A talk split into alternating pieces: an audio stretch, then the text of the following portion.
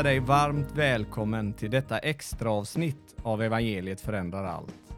Det är ett något annorlunda avsnitt för det ni ska få lyssna till är en intervju med Von Roberts som spelades in under Rotads konferens Utrustad 2023 som gick under temat Guds folk i en fientlig värld. Von Roberts är pastor i St. Ebb Church i Oxford, England och han arbetar även med en organisation som heter Proclamation Trust. Samtalet är på engelska och den som leder intervjun är Ben Clark, pastor i Kungskyrkan Mölndal. Och själv är jag med på ett litet hörn med min märkliga engelska. I samtalet berättar Vaughn om sin egen väg till pastor. Han berättar om bibelutläggande förkunnelse, om att hålla fast vid Guds ord i ett samhälle men också i en kyrka som är fientligt inställd. Han delar sin syn på identitetskrisen i samhället, och frågor som transgender, samkönade relationer och han berättar även sin egen historia om att ha samkönad attraktion. Vi hoppas och tror att du verkligen ska känna dig uppmuntrad av det du får lyssna till. För Vaughn talar om allt detta på ett fantastiskt sätt med både värme och tydlighet. Jag kan även nämna att vi i dagarna har spelat in ett nytt ordinarie avsnitt av Evangeliet förändrar allt med mig och Nima. Och det kommer att släppas någon gång under vecka 15, så håll utkik då. Tack för att du lyssnar och jag vill uppmuntra dig att om du tycker att det är bra det du lyssnar till, sprid vidare intervjun och podden till andra. Nu får ni lyssna till intervjun. I'll just give a brief introduction to who I am. Many of you know me. My name is Ben. I'm pastor of probably the youngest church in in uh, in Gothenburg, um, Kungskyrkan, Mölndal. Uh, we planted six months ago, and we're very excited. Um, so there we go. Um, it was a Swedish congregation, um, but tonight is in English, which is great. Uh, I just want to welcome Vaughan. Thank you so much for coming this evening. Well, this for these past couple of days. It's uh, the first day on Daniel um, has been fantastic, and I'm really, really looking forward to tomorrow. Um, I, you know, I'm really pleased that you've come along, and, and um, uh, many of you might not know, but but um, Vaughan is rector of St Ebbe's in Oxford, and you've been there since 1991. Is that right? Have I got that right?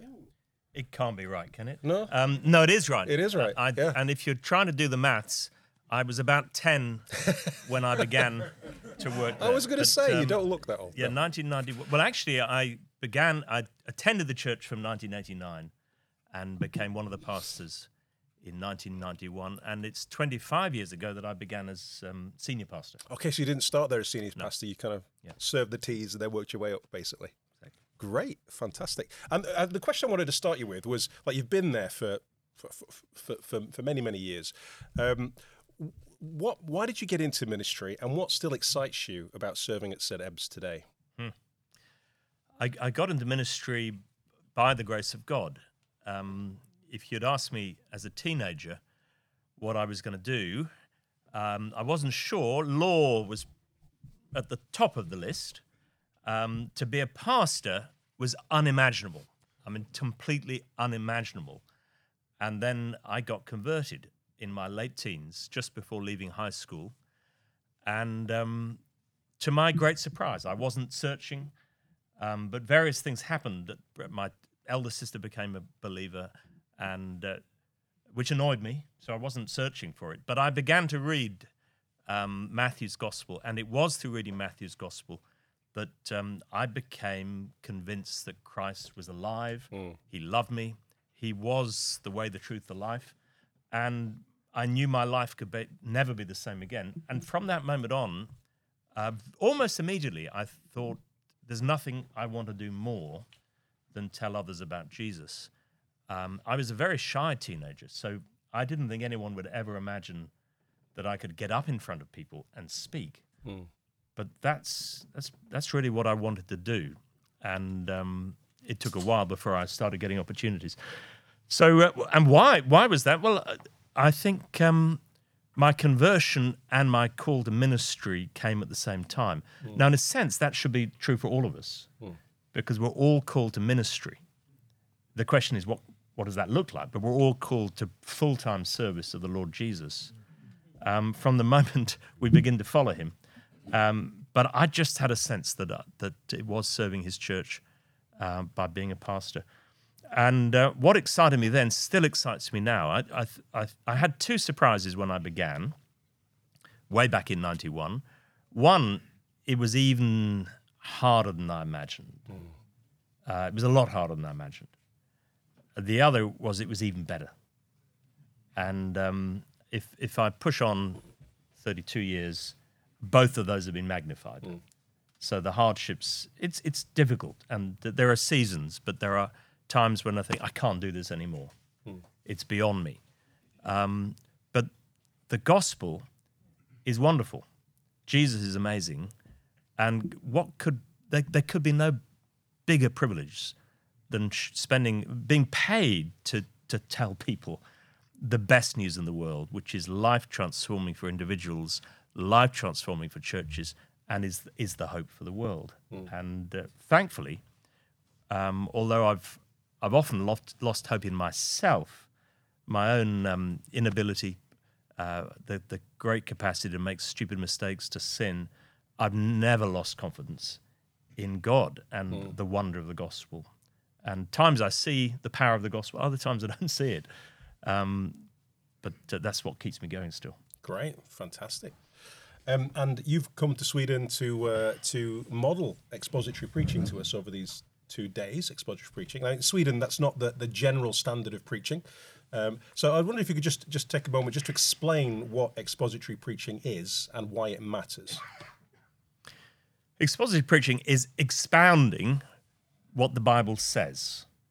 Um, and typically, you'd say what you're doing is taking a passage and you're seeking to ensure that the main point of the sermon is the main point of the passage.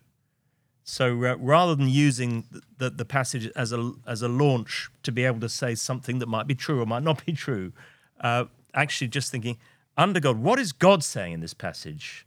And that's what I want to communicate. And why is that important? Because um, God willing, if, if I do that with the help, insofar as I'm able to understand what God is saying, I will then with authority be preaching the word of God. And, and another thing that tends to go with expository preaching, it's not always the way because you just choose a passage and you might choose a passage from different books of the Bible. But another conviction I'd have is as, as a norm to work through books of the Bible. I won't always work through the whole book, otherwise, you could be in Ezekiel for a very long time or Jeremiah for a very long time. Sometimes I will do topical series, still expository. I want to expound what the Bible says. But typically, going through a book. And the great advantage of that is um, I'm just forced to preach whatever the next chapter says. You see, if I'm doing topics all the time, who's deciding the topics? I am. And I'm coming and saying, Bible, what do you say about this, that, or the other? But what if the Bible's got some questions to ask me? Um, and the danger is I'll only choose topics that I'm either interested in or I think is easy to preach. But if I look at the next chapter and I find the question it's a, it's asking me to address is not a question I'd ever thought of, it means God sets the agenda. And it means that I'm going to preach the whole counsel of God and not just those bits that I like or feel I understand or I think people want to hear, but will include other bits that I'm made to think about. Yeah. And that's good. God is setting the agenda. Yeah, great. Fantastic. And, today you've been focusing on the book of Daniel, which has been really, really encouraging. Now, let me, I'll probably embarrass myself, but I'm, I'm pretty sure I remember what the main thrust of Daniel was you, you, you were stressing.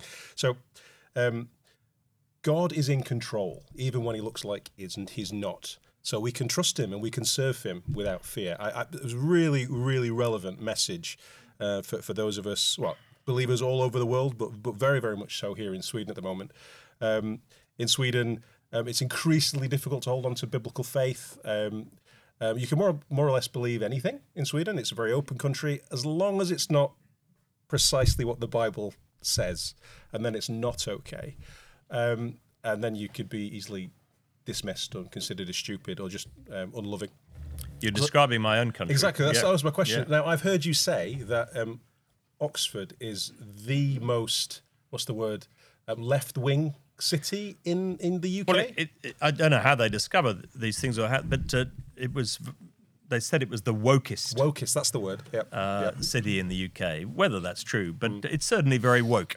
Yeah. And what does that look like for you on a day-to-day basis?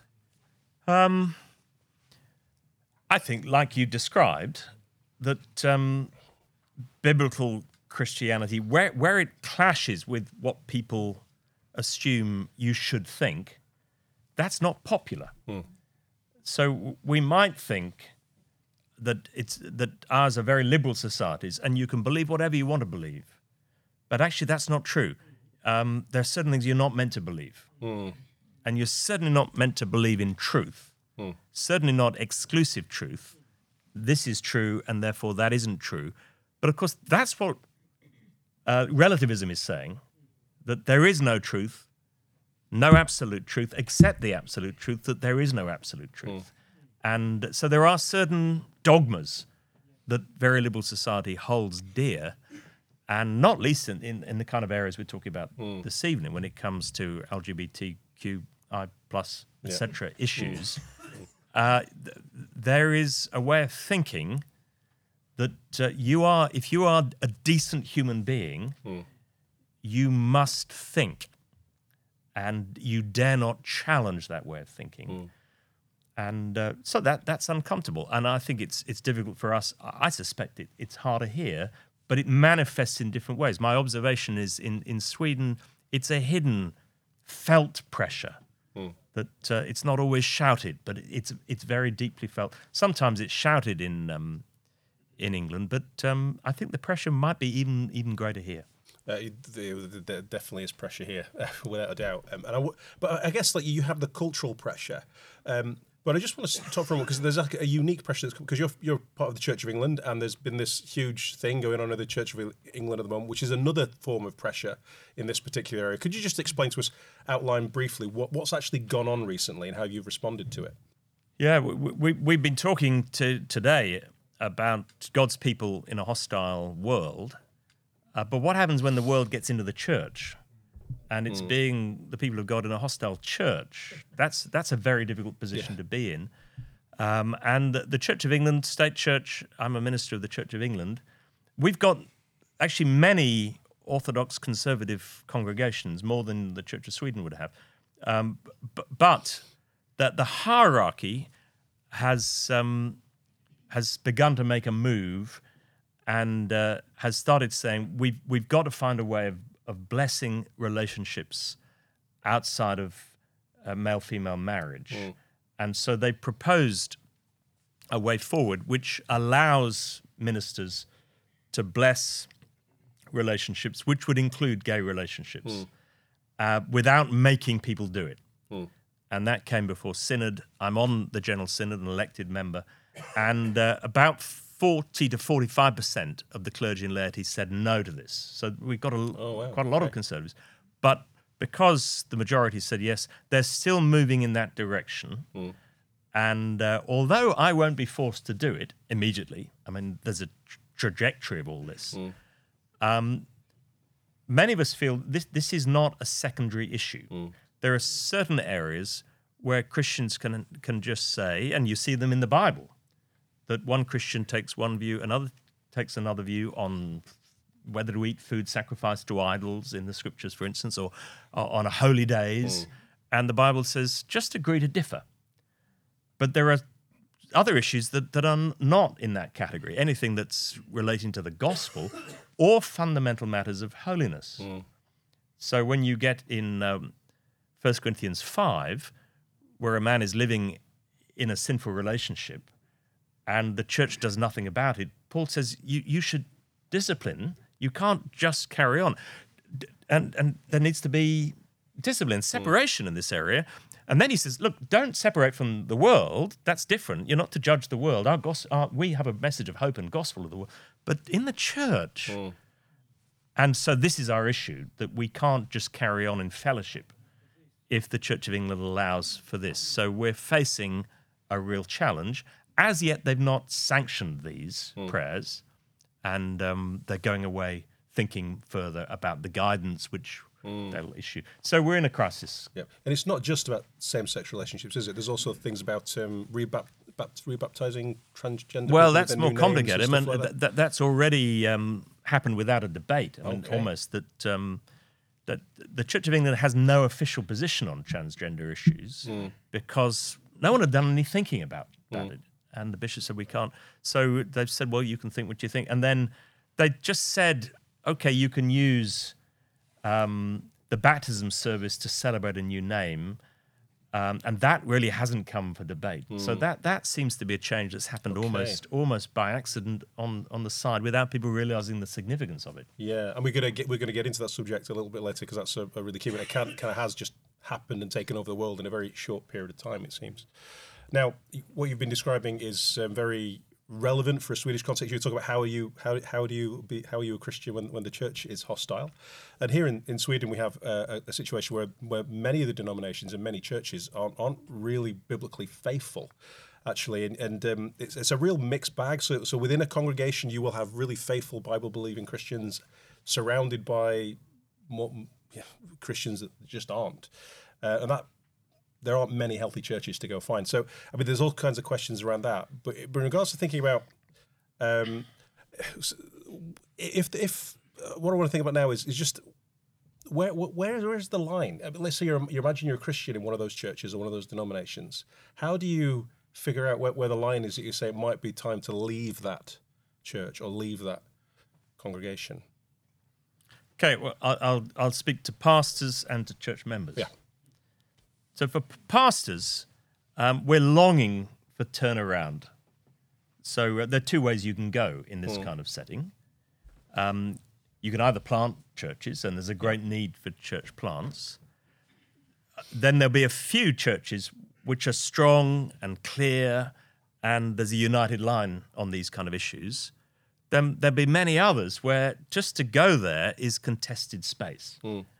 And uh, I think it, it's great when pastors go there Yeah. because often it's hard to know. You get professing Christians. You, you may get some who are very faithful, well taught, who, who believe the right things. You may get others who may be converted, who've just been badly taught, and they need the word of God. So um, I honor pastors in that kind of situation. It's a very difficult situation to be in. And the first thing I want to do when I go in that kind of situation is not immediately teach about contested issues. I want to preach about Christ and the core elements of the gospel, give people a hunger for the Bible. So that so it's a wisdom call as to what you say when. Yeah. But uh, I'm part of the Church of England Evangelical Council, and we're trying to help churches in the Church of England and pastors. And we find some, yes, there's wisdom about not saying too much too soon, but some seem reluctant to ever teach hmm. on contested areas. And then it's not surprising that the congregations just, they're being preached to all the time hmm. by the world. The world is preaching to us. Every movie we watch, every song we listen to, uh, we're being taught. And so if we never teach anything, it's not surprising that they're being discipled by a completely different way of thinking. Hmm. So we put out some videos, and one of them is is is to encourage people. We must teach in these areas, and it is the loving thing to do, hmm. because God is good, and His ways are good. So it's a loving thing to do, and there are suggestions about how we might begin to do that.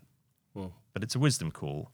But don't always use wisdom as an excuse never to teach Yeah, in these areas. It should be a direction of travel, but with a goal to be teaching the whole counsel of God. Yeah. For those who are members of churches, I think um, that's a wisdom call. But um, what we're longing is for churches to be transformed. It's much easier for a pastor to do that um, than for lay members. And so if if you're, you're a lay member, what you'd be longing for is a faithful pastor. Hmm.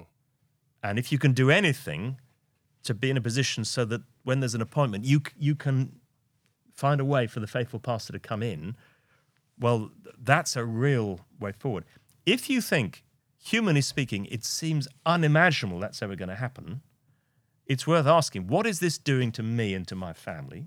Because we're not being taught the scriptures, maybe. Hmm. And what's it doing for the others? I might be able to have a ministry in that church, and maybe hmm. the pastor allows me to lead a Bible study, and by being there, I'm able to teach. But if I'm not able to teach, and humanly speaking, it seems unlikely that there's going to be a change of leadership, it may be that I'd be better off going somewhere else Yeah. and encouraging others to go there. So it's not always right to stay. Hmm. It can be, but it's a wisdom call, and it's worth asking: What am I? What what what am I achieving by staying? My goal is to look after myself and my family, and also to prosper the work of God, hmm. and to ask yourself: Can I, or we as a family, best do that by staying, or by leaving? And some people will always say leave, and actually, it's worth thinking. Sometimes it's best to stay. Hmm. But for those who would say it's always best to stay, no, sometimes it's best to leave. Hmm. At least ask that question. Yeah, no, that's really good. I mean, just kind of pushing that a little bit, a little bit further. There are, I mean, Sweden. People are spread out in Sweden. One of the things I, I love about this conference is, I think every time I've been at this conference, I've met Swedes who live in parts of Sweden where they don't have a healthy church near them, and they, they come to this conference because they they want to hear some good Bible teaching. They want to meet other Christians who love the Bible. Um, what would you say to to a, a, a a Christian who finds himself in that situation where they're living somewhere in Sweden and there is no faithful churches anywhere near them, and uh, um, how can they survive in that in that environment? It, it's very, very hard. Um, there might not be faithful churches. Are there other faithful people that you can you can meet with and encourage? Uh, maybe in a in a Bible study. Maybe that could be the beginnings of a plant. Uh, that that can start from a small group of people. If you f- feel, especially in rural areas, there may be very few people. Well, it's worth traveling. Hmm. And so, can you travel? Is there church within striking distance that you can travel to, or at least other believers? In the meantime, come to places like this and then think together because that might, the f- if there is really no one within quite a long area, well, that might be something you can encourage others to be thinking about. What could we do about this? Hmm. And to be praying and looking for opportunities because that's not a good position long term. In the meantime, get all the help you can get. And of course, the internet helps us and we can connect with others around the country. Yeah, great. And just just to say on that, there, there are lots of people in this room that have been involved in church planting. So if you're interested in finding out about church planting, um, you can come talk to me or, or Trevor or, or even Jonah, um, who who led the meeting. We'd love to touch about that. Maybe we can help you plant a healthy church somewhere. Um, that'd be really good. Um, yeah. Now, just just moving slightly on um, a little bit. One of the things that's very Swedish is is kind of you you, you don't challenge things. You, you kind of you, you, you we want to be.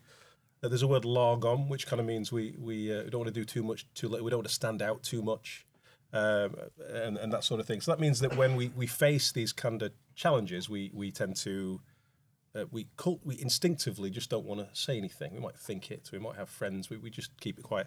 Now you have, uh, as you've already been talking, you, you you have actually spoken into these very difficult subjects yourself. I mean, you've written a series of books. Well, not written all of them, but you've, uh, you've been heavily involved in talking points. Is that the series? So whether it's transgenderism, so there's a book out there on transgender. There's you've just written one on abortion with somebody else, haven't you? Um, and there's an environmental one in there that you didn't write. Uh, so the, you so um, how, how has that process been for you? And, and, and what is the driving uh, what drives you to, to stay on the front foot on those to- s- topics?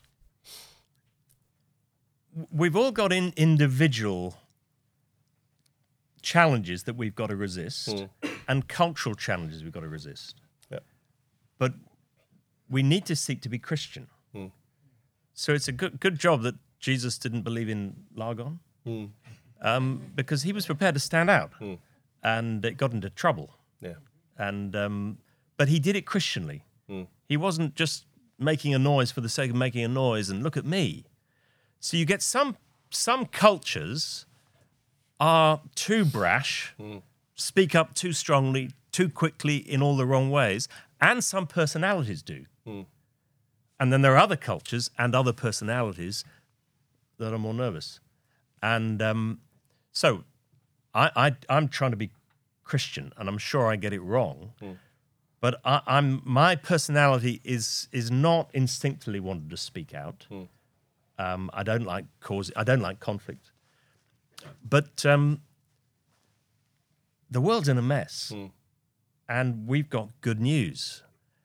And so I, I think I'm, I'm not trying to preach law, but I want to preach good news into real life issues. Yeah. And so I find myself being pulled towards them. Some of them. Yeah, yeah, no, that's that's really helpful. I think that, that there is in a in a world where we're surrounded by opposition and we're being pressed to, to change our convictions on on so many issues. It's really important that we hold on to biblical truth really solidly. We know what the Bible says, and we we're clear on that. Um, and um, there there are many places we can go to, f- to find that. Maybe we're clear on the fact that we we we, we know that um, um, marriage is between one man and one woman, and we know that God designed male and female, and we know these things. Um, but then often there's like a, a next step, which is which is harder, and that's staying um, humble and and open. I'm always struck by Jesus how he taught the truth. Um, he was passionate. Uh, he and, he met with tax collectors and sinners and, and, and, and prostitutes, and they loved to be in his presence. Now, how uh, how can we we do that? So we hold on to the truth, and yet we we we we- we're still loving and warm and welcoming to people who disagree with us. Well, you, you said it in the introduction. Follow Jesus. Um, it's it's not an either or. It's a both and. So I, if if I'm speaking about speaking up about things, it's not because I'm I'm passionate about truth and don't care about love. Hmm. Jesus, full of grace and truth, and so yes, he was with the tax collectors and sinners, and he showed love for them. And and the the danger, if we're very clear on moral values, we can become moralists. Hmm. We can be self righteous and think, I can't believe all these wicked people, they behave in terrible ways. And then our message to them is, tut, tut, tut, tut, tut. Hmm. You really should be like us, which is a very off putting message. And when you think about it, of course, is profoundly Christian, uh, unchristian. Unchristian, yeah. So it begins with grace. Um, how can I look at anyone and think they're the wicked sinners if I understand who I am and what I've done and what I deserve before God? So whether or not I've committed that sin or that sin, I'm a terrible sinner, and uh, I deserve hell. But by the amazing grace of God, He faced the Father's judgment in my place. That's where I begin. Hmm. So when I see, at least if I'm viewing things Christianly, when I see non-believers, I, I, I shouldn't be thinking, oh, these wicked people go to hell. Uh, they deserve to be denounced. Um, that's not what Jesus did to me, thank hmm. God. Hmm. Yeah, And so my my concern for them should be full of compassion, and that begins with relationship. Yeah, And so not just thinking, oh, I can't be un- I can't be tainted by these terrible people, hmm. but Jesus came towards in gracious love. And the first message is not pronouncing morality. So let's. I mean, uh, I want. We'll come on to all these kind of things a bit later, but let's think about um, a gay couple comes and li- hmm. lives next door. Would never occur to me to, to knock on the door and say, I just need to explain to you that it's nice to have you next door, but I need to explain to you I don't approve of same sex relationships. Um, what an extraordinary way to behave. Go next door and um, say, Welcome to the neighborhood. What's your name? You must come around sometime. Uh, just as I imagine I would do if uh, an opposite sex couple lived next door who might not have been married. yeah, Um, so it's it's it's it's friendship and love. Um, in that context, I, I want them to come to know Jesus. Hmm. And the best way of them coming to know Jesus is not me preaching morality to them; hmm. it's living life. yeah, But so so in terms of talking to relationships, and actually, my main message to the world is not preach morality; hmm. it's preaching gospel. So I, I'm focusing on these kind of issues mainly within the church. yes, But when challenged by the world, I'll say what I think. But I want to be able to say what I think in a gospel frame. Otherwise, they'll think I'm just concerned to preach morality. Yeah. And no, I want to preach Christ. yeah. Thank you. Um, okay, so moving into some of these um, subjects, let's think about like transgenderism. It's a huge one. It um, seems to have moved in the world quicker than anyone's had a chance to think about it, and the policies are changing, and we're we're, we're um, doing all kinds of things all over the world, changing laws, uh, changing the way whole society is structured around around this uh, around transgenderism, uh, primarily because people are driven by this this the belief that um, I decide who I am. Um, your your own truth about who you are is the most important thing about you, and, and all and all these kind of things. How do you think this is kind of um, what what, the, what is the biggest danger you think it, for the church um, with this? How, how like yeah Well, as you say, um, it manifests at the moment very much with the transgender issue.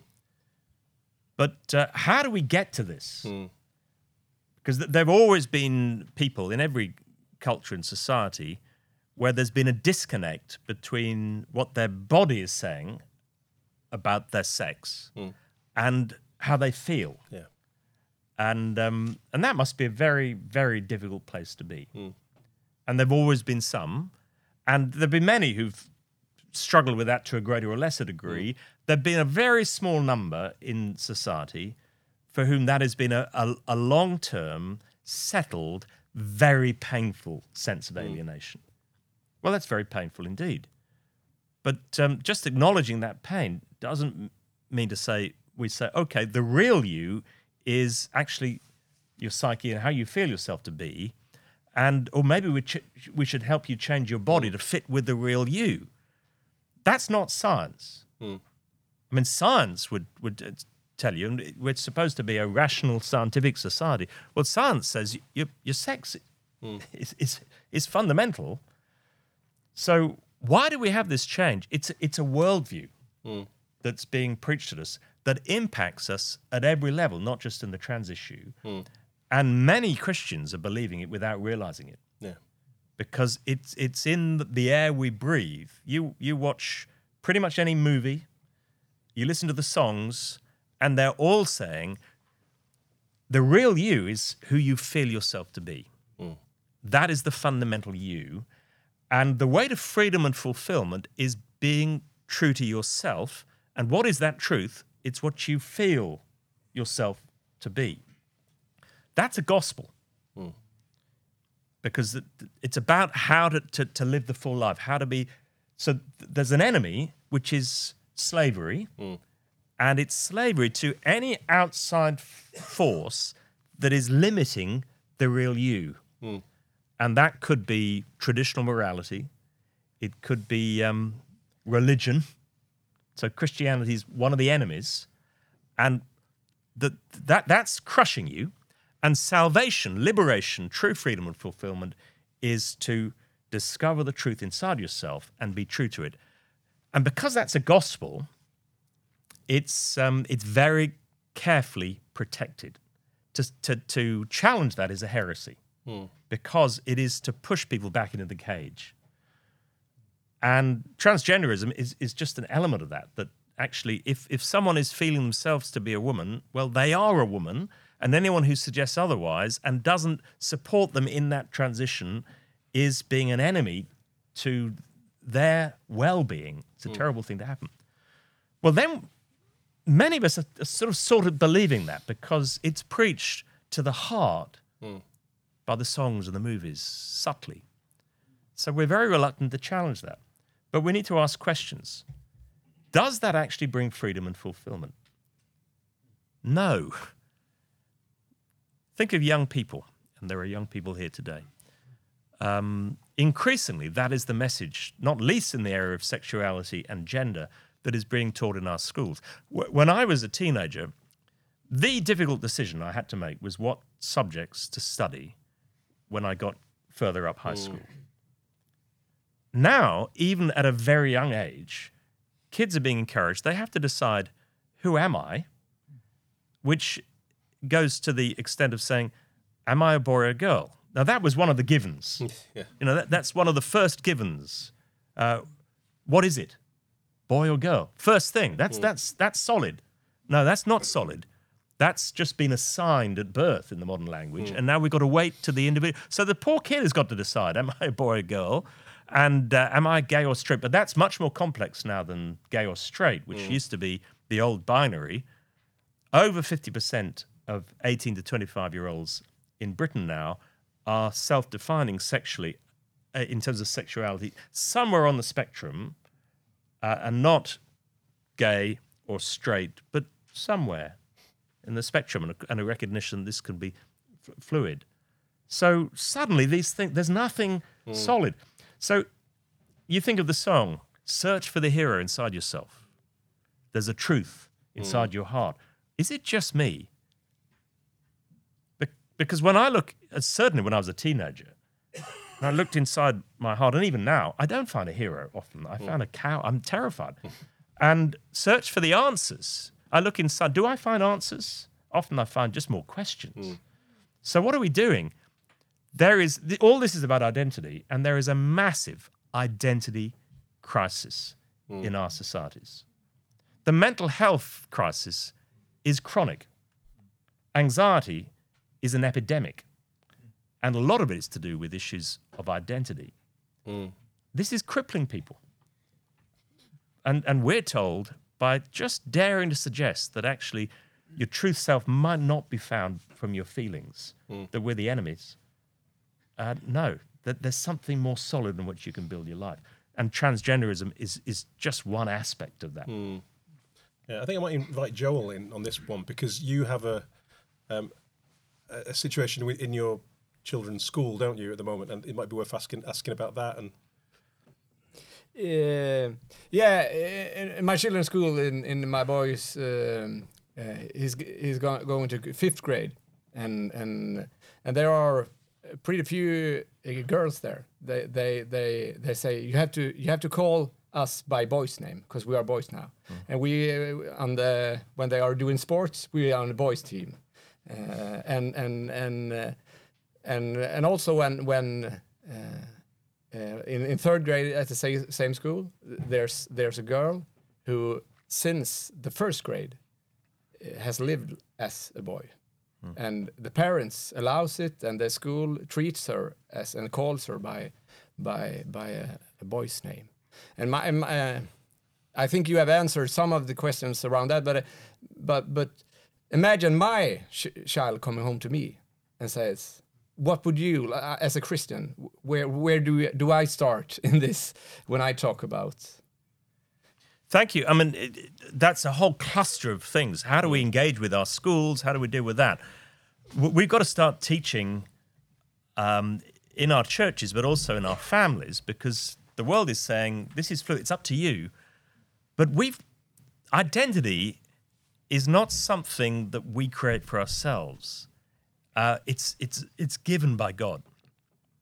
So um, fundamental is God made human beings, male and female, in his image. Genesis one twenty seven speaks about human beings, every human being made in the image of God, and male and female in the image of God. So um, we should be encouraging people, uh, encouraging young people with a deep sense that um, their identity is uh, as those who are loved by God. So we, we have a great dignity. See, if, if we were merged by accident from the cosmic soup, we have no value, no inherent value whatsoever. Um, we've just happened to exist. And identity is something I've got to achieve for myself. So, first, you're a person of great value, made by God, made in his image, and male or female. And this is a good thing, and it's a gift of God. And then, of course, loved by your parents, which is a, a, a very important basis of a stable identity. Now, what happens um, when schools are teaching other things? You've got to think about how you engage with the school, but how do you engage with your child is, is lovingly to, to, to speak truth. Because if we say nothing, they are hearing lots of things. So we must not be naive. They're being discipled all the time. So we need to teach them true things.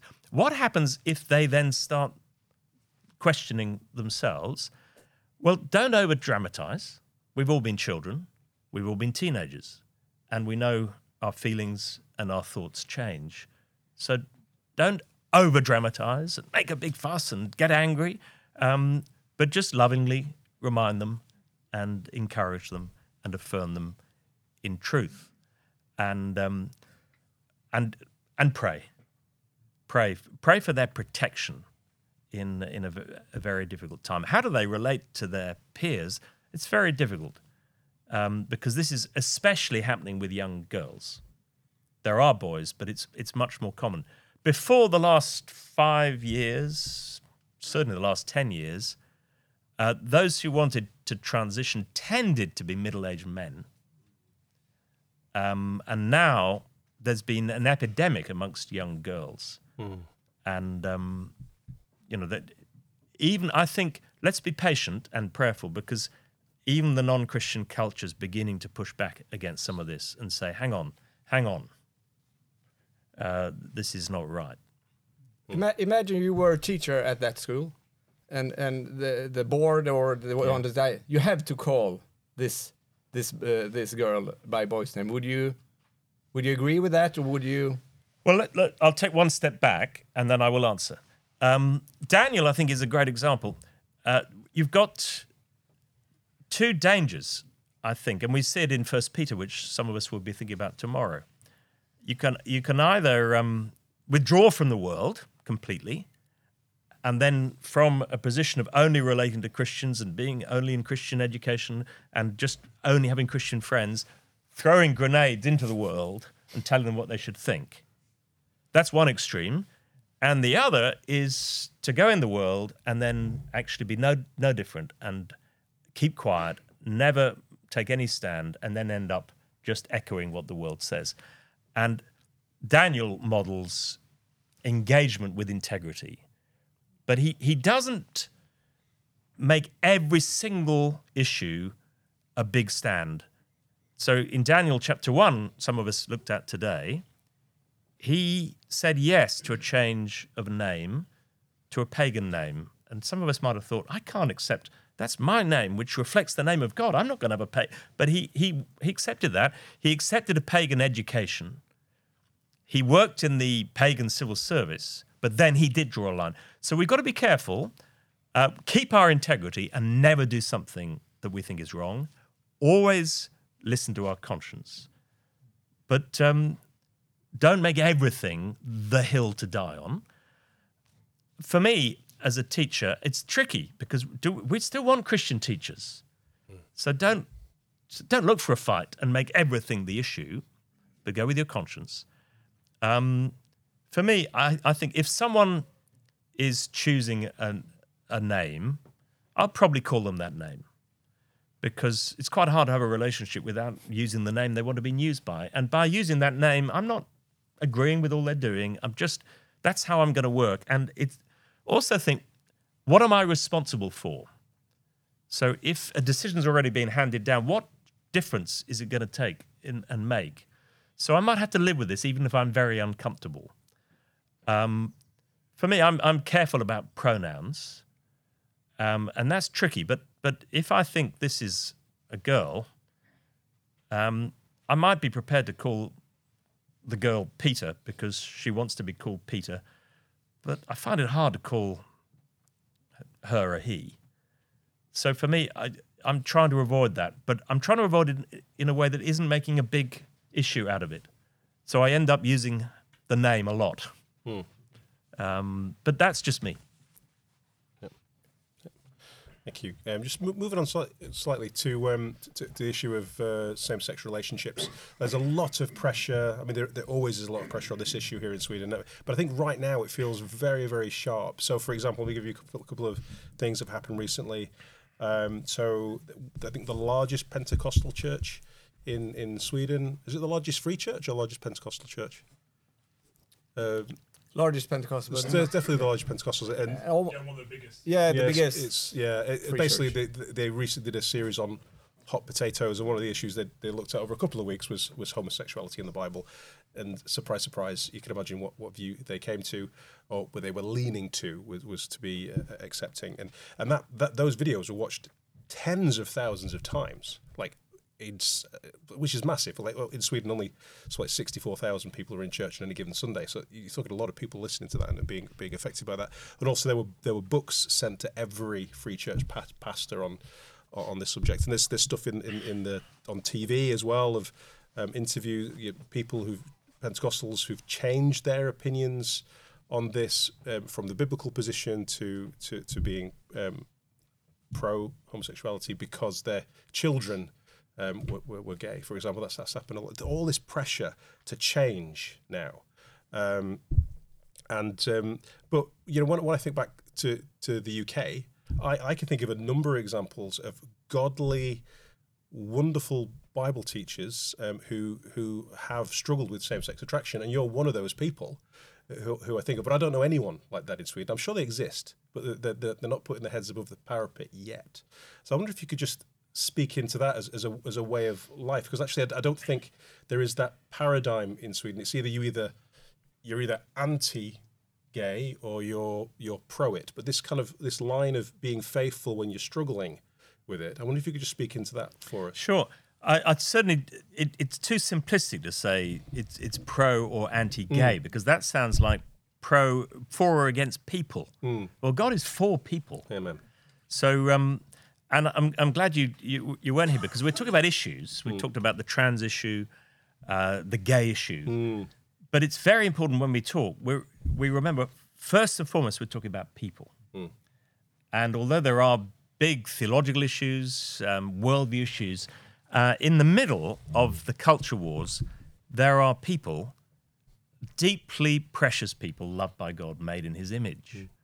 And whenever we speak about these people, uh, these issues rather, we need to be remember we're talking about people, and unless it's a tiny number of people in the room, we're talking about people here. So as you, you said, this is me, and I'll tell you more about that in a moment. But it's not just me; it'll be you, some of you, for whom these issues come very close, either because of your your own feelings or those very close to you. So um, that's very important to say. Um, so you haven't asked me this, but I, can I? Yeah, please do. speak Yeah. a little bit. I'll just speak a little personally. So I I grew up. Um, sexuality it, it was a homophobic kind of vibe in the culture, as you will remember. Some Mm. of you who, who are my sort of ancient age. I told you before I was um, ten in 1991, so you can work out the age. Um, so the, the the general societal move when I was um, growing up, late seventies through the eighties, when I was about minus twenty, um, were th- that that was generally homophobic. Uh, I didn't know anyone of my friends, either at uh, high school or even at university, who said they were gay. So you were aware of the gay movement, but these were people who would, you know, you just never met them. And uh, so there was a homophobic vibe. And in that context, I grew up aware of same sex attraction. And actually, round about my, um, as I was hitting puberty, I was aware of that. But I was also aware of some opposite sex attraction. And I, I just assumed that the same sex attraction would disappear hmm. and the opposite sex attraction would grow. And so I didn't really angst about it. I certainly didn't talk about it. Hmm. And the way people spoke, especially including friends of mine, made it quite clear I'm, I'm not going to, I'm never going to mention anything. So it was quite isolating, hmm. But I thought it would go away. And actually, to my surprise, the opposite happened that this, the same sex attraction stayed, the opposite sex attraction, for whatever reason, just disappeared. Now, I know that there are some people who've only ever known same sex attraction and have felt unusual and just a bit different from pre puberty. Even some of my friends, six, I never felt different at all. It was just aware of it after puberty. Um, there are others who've, who've only ever had uh, opposite sex attraction. There are plenty of other people who, who sexuality is quite complex. But it didn't go away for me. And uh, then I got converted. And um, that was amazing. But what was great, I was in a, a context where we were taught about the goodness of marriage, but quite unusually, we were taught about the goodness of singleness as well. So, I, and there were some models of single leaders and pastors. John Stott Yes. as a single pastor. So that didn't seem to me unthinkable. And so I thought, well, if I if I don't marry a woman, that's going to be okay. And so I kept quiet.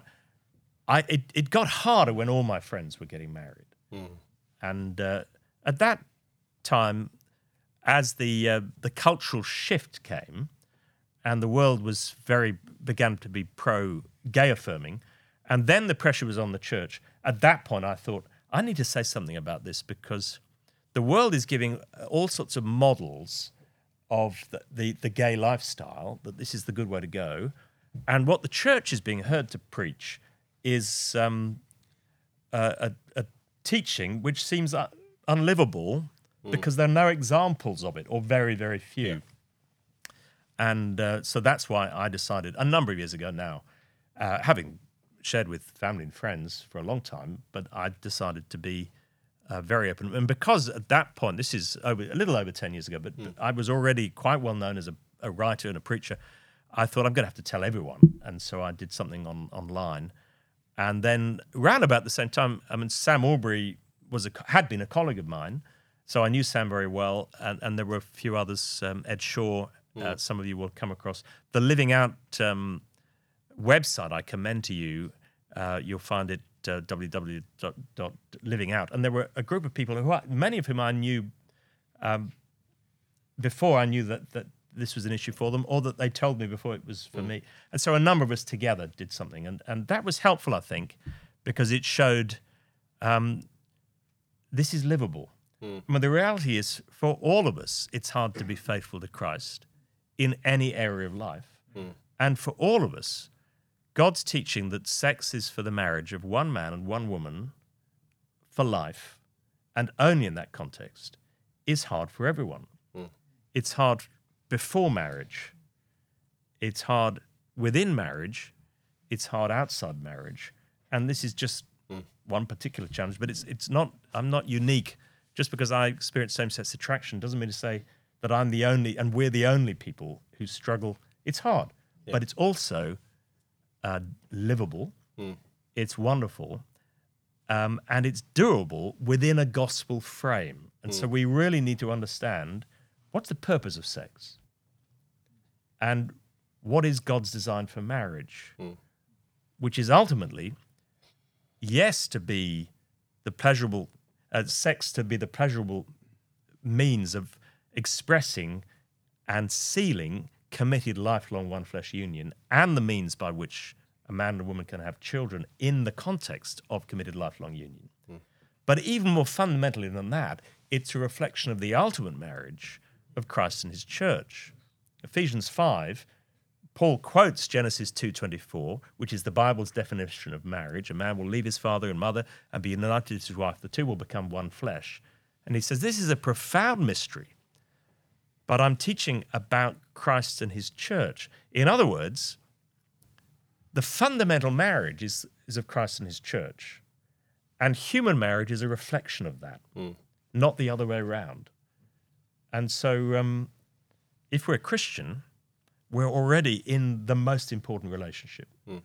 And that is the relationship that we will be in for eternity. Human marriage is exclusive and sexual. That won't exist in the new cre- creation hmm. because it's a it's a trailer for the ultimate.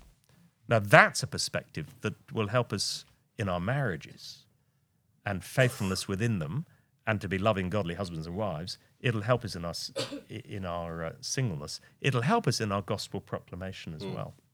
Great. You, you- you mentioned there that you thought you thought that the feelings would disappear, but they didn't. Uh, a lot of the pastors who have children uh, who has struggled with this, that has made them change their mind. It's like we prayed and we thought that this would uh, disappear, and because it did, didn't disappear, this is who he is, and now we're changing our mind about. What would you say to, to into that situation? I, I, I, I'm almost speechless if if they think that's a theological argument. It suggests they have no doctrine of sin. I mean, I, I don't know any married uh, friends of mine who are only ever attracted to their wives or their husbands, in fact. And I've known some people say and justify having sex outside marriage and having multiple marriages. Well, God made me like this. Um, I'm, I'm not designed to, to just commit to one man or one woman. And so, what you know, because I have attractions to many, this is how God made me. No, it might be hard, but there is such a thing as sin, and all our uh, our sexuality, all of our sexuality is fallen, and for all of us, that means uh, repression and re- repression is not always a bad thing. I mean, some people lose their temper, and uh, they need to repress their temper. And some aspects of sexuality that I believe there's aspects of our sexuality that can be expressed for all of us. So um, it might be hard, but the fact that the married man says, I still can't help finding this other woman attractive, doesn't mean to say he should live it out. God made me this way. No, God didn't make you that way. It's called sin. And um, that's hard. So, um, but it's also doable. I think that's believing the lie of the culture that your sexuality defines you, that fundamental to who you are is your sexuality, and to be free and fulfilled, you must express it. That is a lie. And that lie has caused untold damage to human lives, uh, to human lives and to society. So the irony is that lie does not bring fulfillment even to individuals. So the, the idea that um, being true to myself sexually will give me fulfillment, it's a lie, which is why there's so much sex addiction now. And so, mar- so many marriages are destroyed because of selfish people thinking, I've got to be true to my sexuality. It does not fulfill the individual. And what's it done to family life? It's destroyed family life. It, it- let, let's have confidence in, uh, in saying the, the sexual revolution is not something we should be catching up with No. or baptizing in Christian language. It has caused profound damage to individuals and to family life and society. And God's way is good. And God's good way is hard. But in Christ, it's doable. And um, that's another thing. We need to think about how it is doable. Yeah. So we should be talking positively about singleness. Um, it's not the worst thing that could possibly happen to their child. It's a, it's a livable life. They might get married, and I, I know people whose attractions are predominantly to, to the same sex who married someone of the opposite sex. It's not a cure, uh, but who decide to, and it, it can be a, a happy and a good marriage. But it's not the end of the world not to be married. But then we also need to be living as a community in the church. And Jesus said, anyone who's lost father, mother, etc., in in the in this life gained multiple, and in the world to come eternal life. I I have a family, uh, many children. Um, yeah, praise God. This is called church. Um, is it always easy? No, it's not. Married people. Is being married always easy? No, it's not. But that's not a reason to get out of the marriage.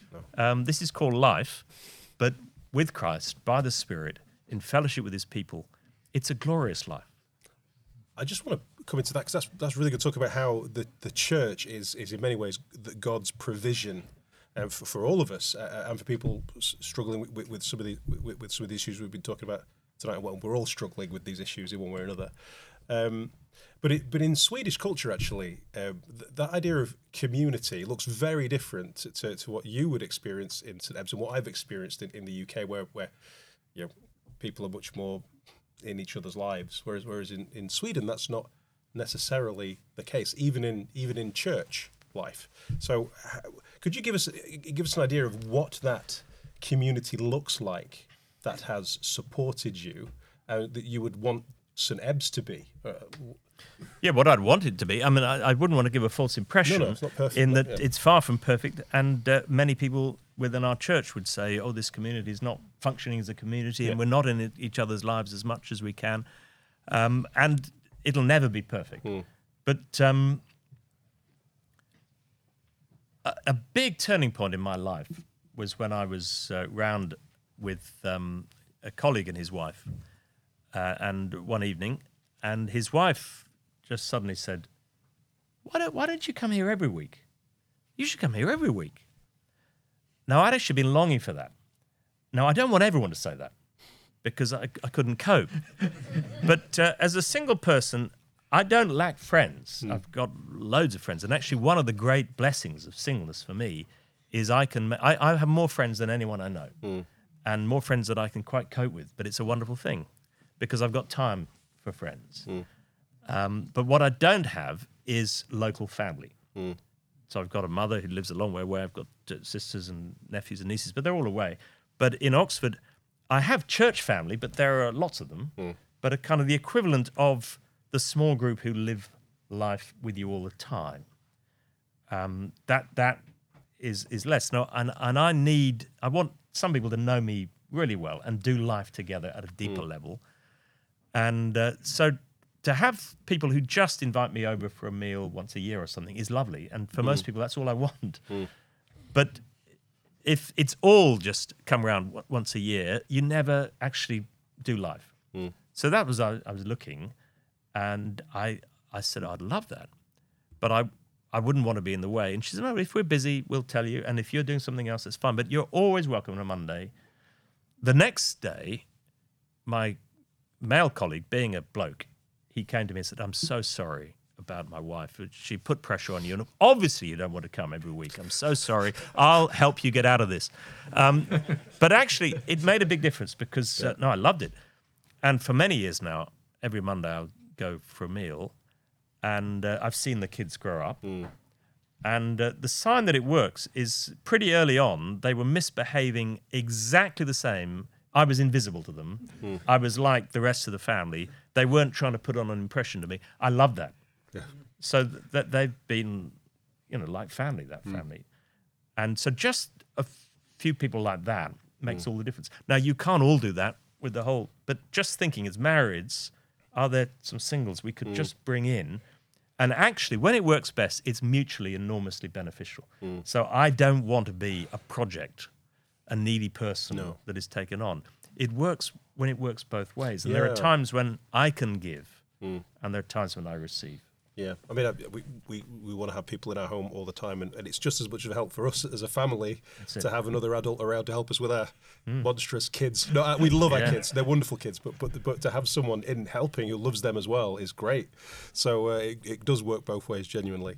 Um, and s- s- yeah, yeah, that, that's that's really good. Um, I mean, there's loads of other questions I could ask, um, but I really want to give time for people to ask questions here. So I would say thank you for, for sitting here and, and and really making my questions sound good by answering them really, really, really well.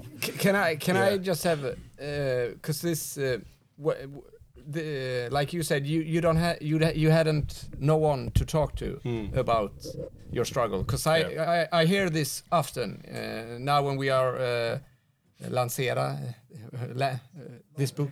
Launching this book is God and the gay. I hear hear people saying that. I can't tell my LGBTQ whatever friends f- uh, uh, from their reaction and I can't tell anyone in church.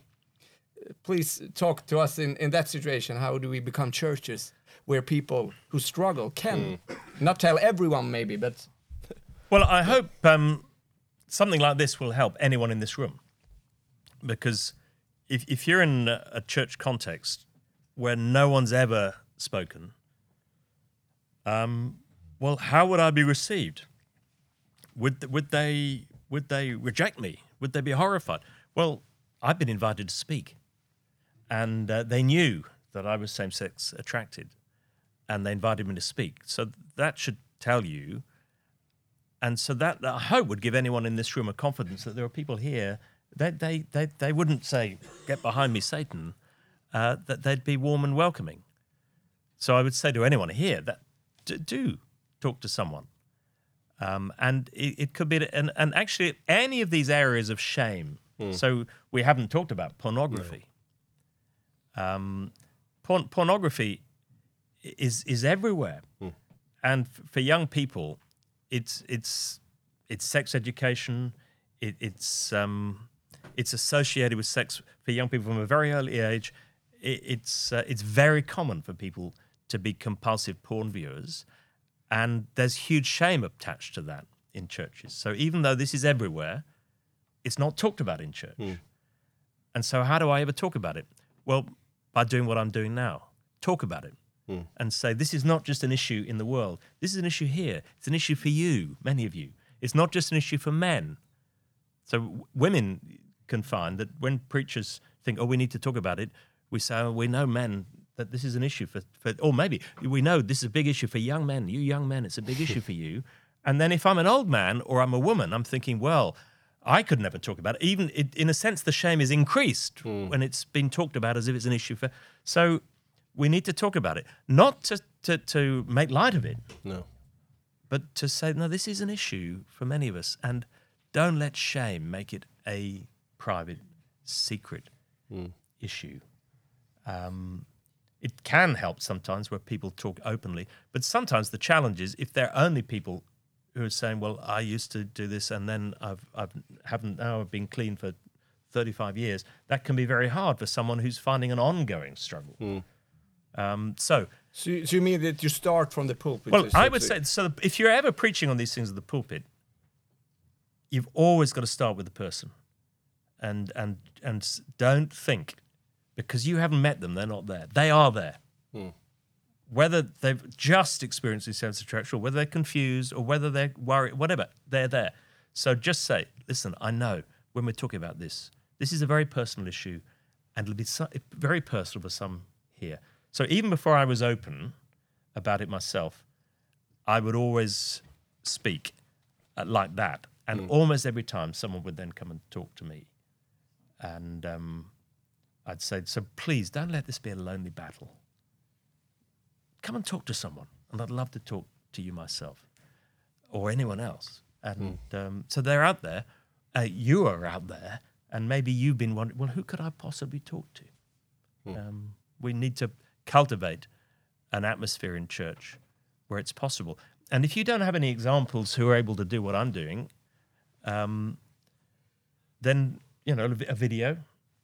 The, the Living Out series suddenly has testimonies for same-sex attracted Christians, or engaging with issues of porn. There'll be videos out there that you could put up just to name these things to help people talk about them.